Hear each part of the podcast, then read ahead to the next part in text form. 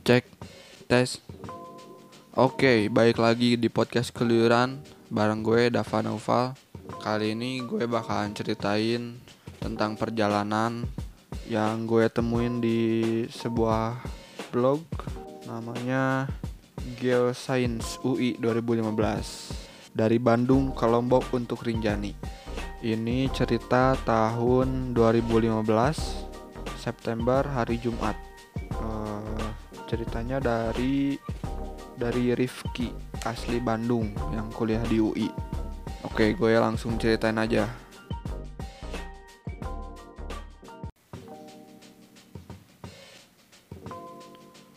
Beberapa bulan kemarin, yang which is itu lima tahun yang lalu dari sekarang, gue baru aja dapat pengalaman yang sangat berharga dari perjalanan gue ke Lombok bareng sahabat-sahabat gue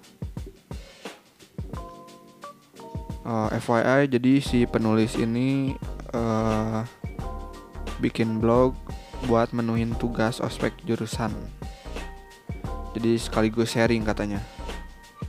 Uh, eh, FYI juga buat lo yang mau dengerin sambil baca gue bakal kasih linknya di deskripsi jadi lo bisa dengerin sambil baca cerita ini. Oke lanjut Uh, gue nulis blog ini buat menin tugas ospek jurusan gue sekaligus sharing tentang pengalaman pendakian gue ke Gunung Rinjani. Oh iya, kenalin nama gue Rifki, asli Bandung. Orang ngomongnya gue karena alhamdulillah kuliah di UI uh, eh, jurusan geologi jadi lingkungannya pada ngomong gue jadi ya udah ngikutin. Haha. Oke, gue mulai cerita tentang perjalanan gue. Bismillah. Menurut gue, kalau kota asal tempat tinggal lu jauh dari Lombok, lu harus prepare masalah transport. Pilih transport yang biayanya paling bikin untung. Dan lu harus beli tiket transport lu jauh-jauh hari sebelum tiket habis dan harganya tambah mahal. Gue sendiri telat beli tiket. Tadinya mau naik kereta, tapi tiket udah keburu habis dan sisa tiket yang harganya mahal. Maklum gue ngagendain perjalanan gue ini seminggu setelah hari raya Idul Fitri jadi gue mutusin buat beli tiket pesawat ke Lombok. Harga tiketnya sekitar 870 ribu. Mahal banget emang. Tapi kalau gue pakai kereta juga cuma beda 200 ribu dan makan waktu yang banyak. Hati-hati berat tas lu jangan sampai lebih dari batas maksimal bagasi 20 kg. Dan akhirnya gue naik pesawat dari Bandung ke Lombok. Soal registrasi pendakian sendiri Lu nggak usah panik harus ngurus yang macem-macem karena registrasi bisa langsung di pos pendakian dan gak ribet kok. Cukup siapin aja peralatan dan perbekalan selama di gunung dan kondisi fisik lu. Kurang lebih 2 jam gue di pesawat dan akhirnya sampai di bandara Lombok.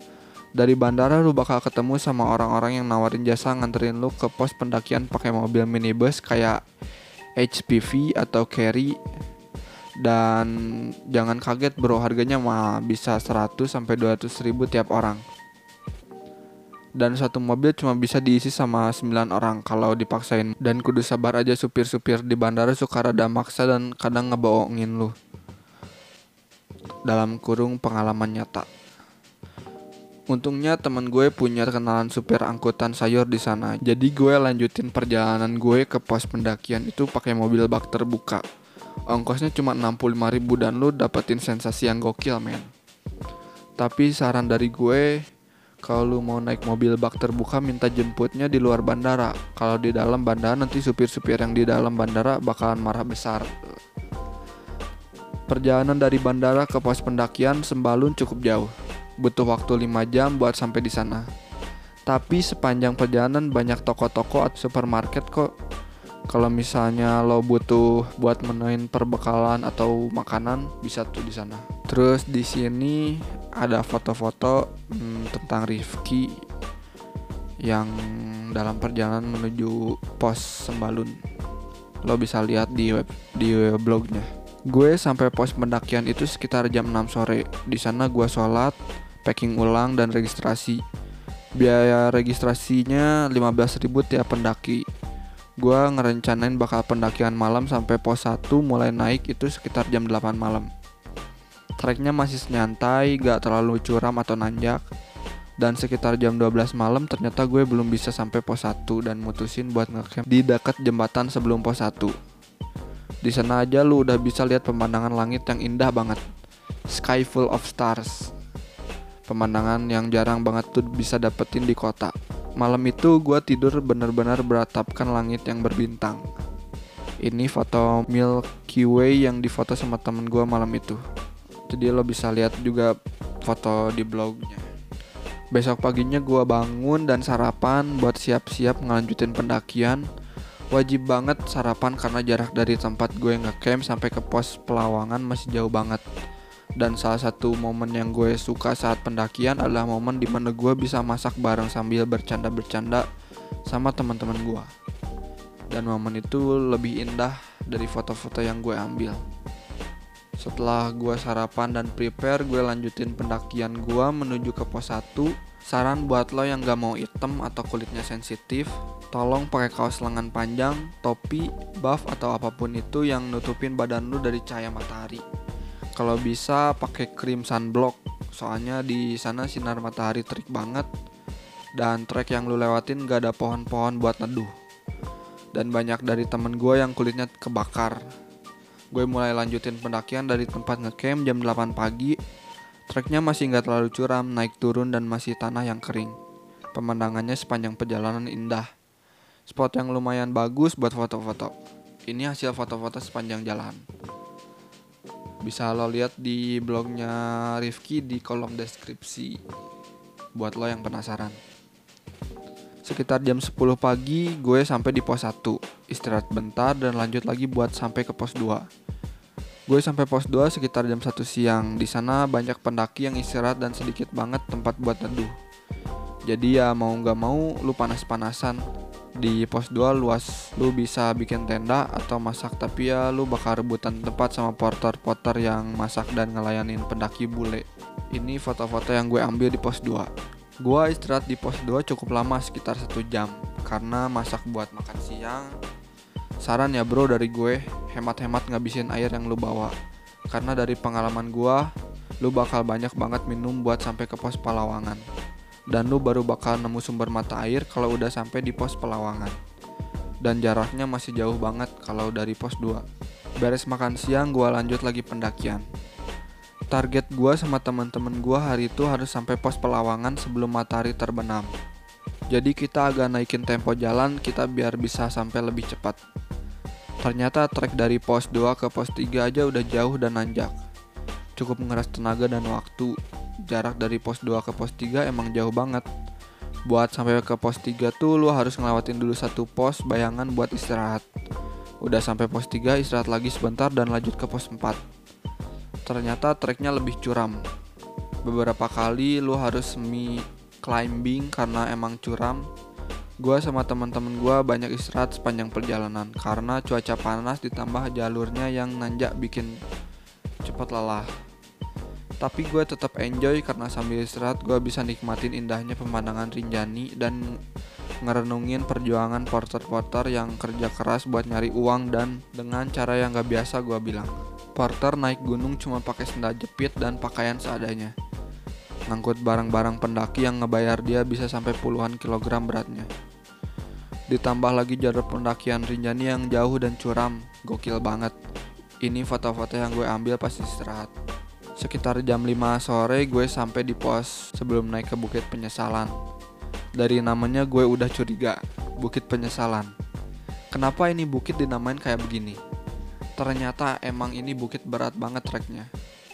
Perjalanan dari pos 2 ke pos 4 bukan apa-apa dibanding ngedaki bukit penyesalan. Lu harus naikin bukit dan turun, naik dan turun, naik dan turun terus begitu sampai lu sampai ke pos pelawangan.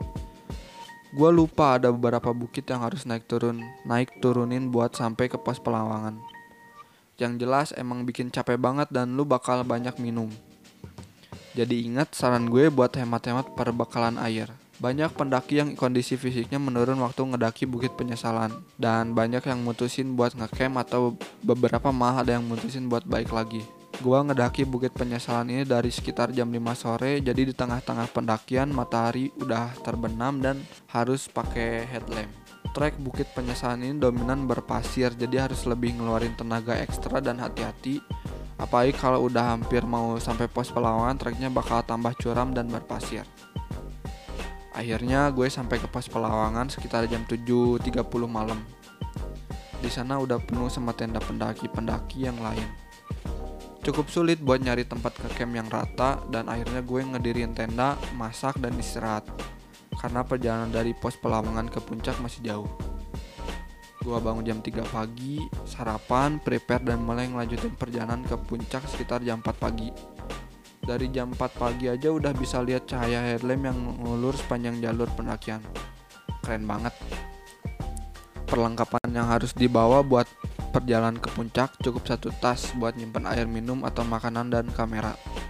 Gue saranin buat bawa trekking pole karena bakal ngebantu banget waktu ngedaki ke puncak. Karena trek mau ke puncak berpasir lu wajib banget pakai jaket yang tebal karena udara di sepanjang jalur pendakian ke puncak dingin banget. Uh, anginnya yang kenceng bakal bikin badan lu menggigil. Soal air lu bisa ngambil di mata air di pos pelawangan tempatnya bisa lu tanyain ke porter atau pendaki yang lain tapi hati-hati karena trek ke mata air licin dan banyak batu yang harus dilompatin. Dan wajib banget lu bawa persediaan air yang banyak. Treknya yang berpasir bikin pendaki nggak bisa jalan cepat. Di sini trekking pole kepake banget. Treknya lumayan nanjak, tapi yang bikin repotnya itu pasirnya. Jalur pendakian ke puncak cukup jauh menurut gua. Gua sampai ke puncak jam 9 pagi karena treknya yang sulit dan kita banyak foto-foto nonton sunrise Dingin, capek, harus kebayar saat gue bisa ngeliat indahnya lukisan Tuhan dari puncak Gunung Rinjani. Semua yang gue lihat dari sana benar-benar indah. Coba lihat hasil foto gue dan teman-teman gue sepanjang perjalanan menuju puncak Rinjani dan saat berdiri puncak Rinjani. Lo bisa lihat di blognya di kolom deskripsi. Lama istirahat dan foto-foto di puncak, gue balik lagi ke pos Pelawangan. Kebalikan dari ngedakinya, nuruninnya jauh lebih gampang karena berpasir lu bisa lari atau meluncur di atas pasir. Tapi hati-hati ya, batunya jangan sampai kena pendaki yang lagi istirahat. Gue sampai di pos pelawangan sekitar jam 1 siang, ngambil air, masak, istirahat. Pemandangan dan suasana di pelawangan juga keren banget. Hening, suara angin, dan pemandangan Sagara Anak dari jauh bikin siang itu indah banget. Sunsetnya keren parah. Dan lagi-lagi ini foto yang gue dan teman-teman gue ambil selama stay di pos pelawangan. Malamnya kita tidur dan berencana untuk bangun jam 3 pagi untuk meneruskan perjalanan untuk pulang. Jam 3 kita bangun, seperti biasa sarapan, beresin tenda, jangan lupa bawa sampah. Bawa sampahnya bawa pulang juga cuy. Pastiin kalau persediaan air yang lu bawa cukup. Gua berniat pulang menuju pos Senaru karena biar gua bisa ngelewatin danau Segara Anak. Trek menuju ke Segara Anak menurun dan curam. Di di sini dipenuhi bebatuan jadi mesti hati-hati banget. Udah lewat trek yang turun dan berbatu, gue mulai jalan dengan trek yang cukup nanjak tapi nggak berbatu. Treknya santai, banyak tempat buat istirahat. Gue sampai di Sagara Anak sekitar jam 9 pagi. Di Sagara Anak udah ada banyak pendaki yang mancing ikan, enjoy banget suasananya. Lu bisa lihat danau, orang mancing, gunung kecil sambil minum kopi dan ngobrol sama temen lu di sekitar Danau Sagara Anak juga lu bisa nemuin tempat buat berendam air panas dan ada juga goa di sana. Buat yang penasaran kerennya Danau Sagara Anak kayak gimana, lu bisa lihat di blognya di kolom deskripsi. Ada linknya di sana.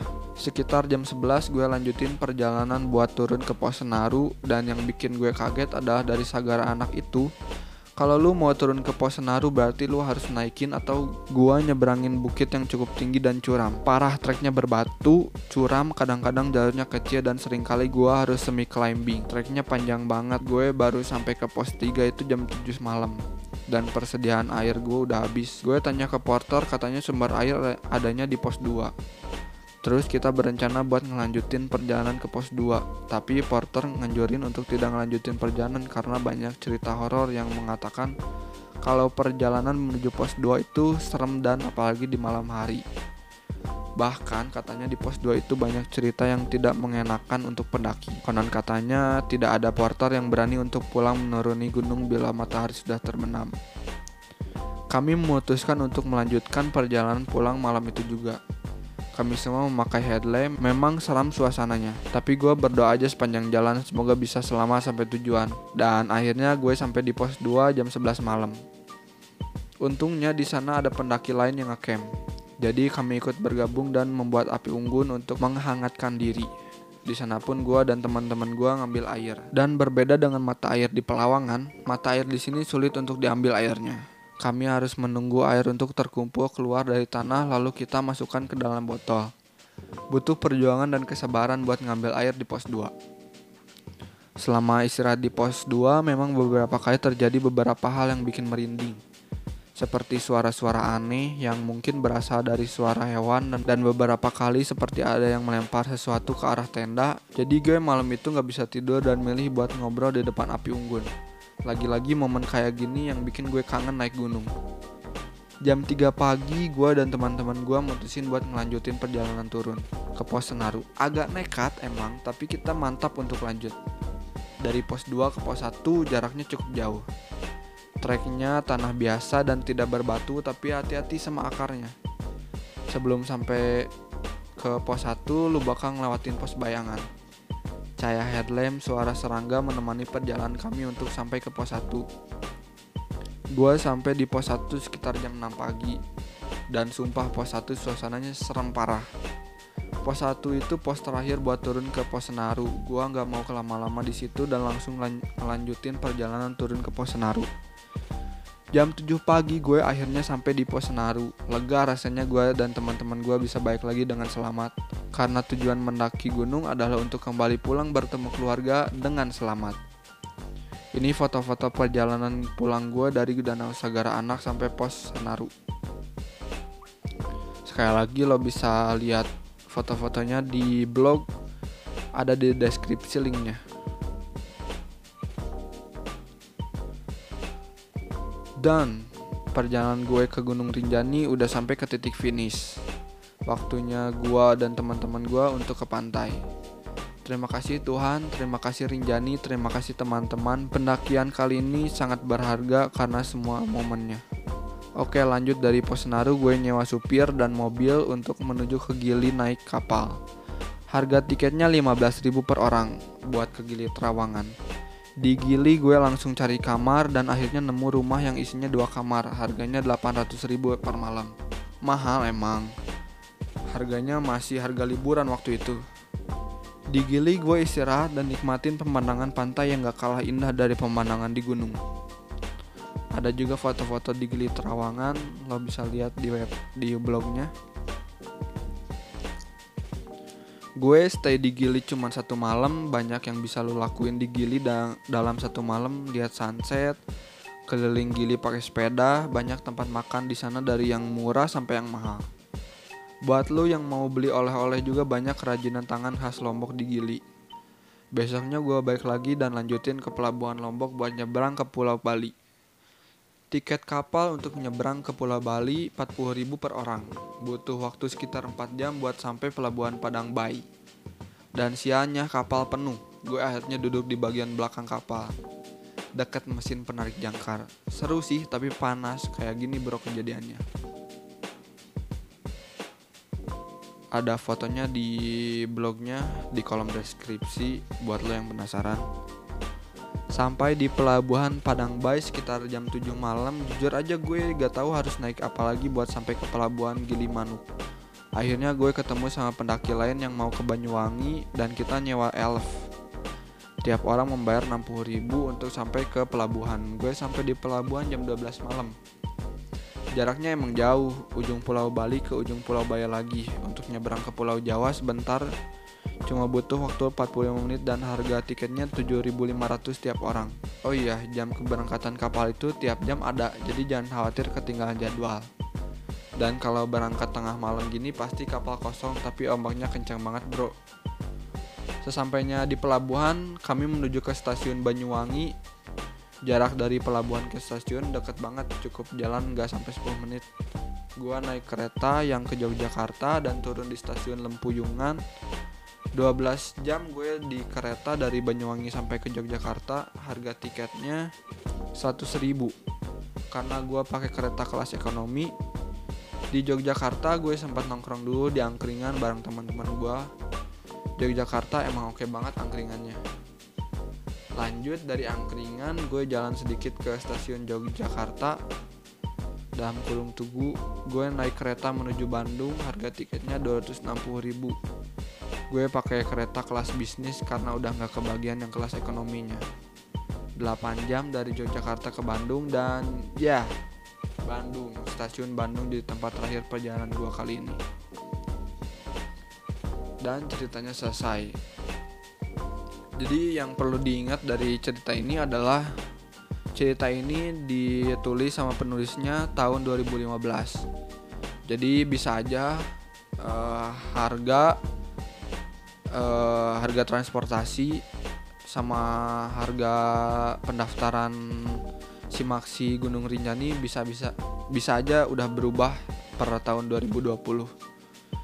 Jadi buat lo yang mau ke Rinjani atau ke Gili Trawangan atau ke Jogja atau ke mana lo langsung aja berangkat sekarang juga jangan sia-siain momen yang berharga dalam hidup lo jadi gitu aja cerita dari gue Oh ya, jangan lupa follow IG official account IG keluyuran di @kelu.yuran terus IG gue juga @davanova12. Oke, sekian aja dari gue. Goodbye. See you.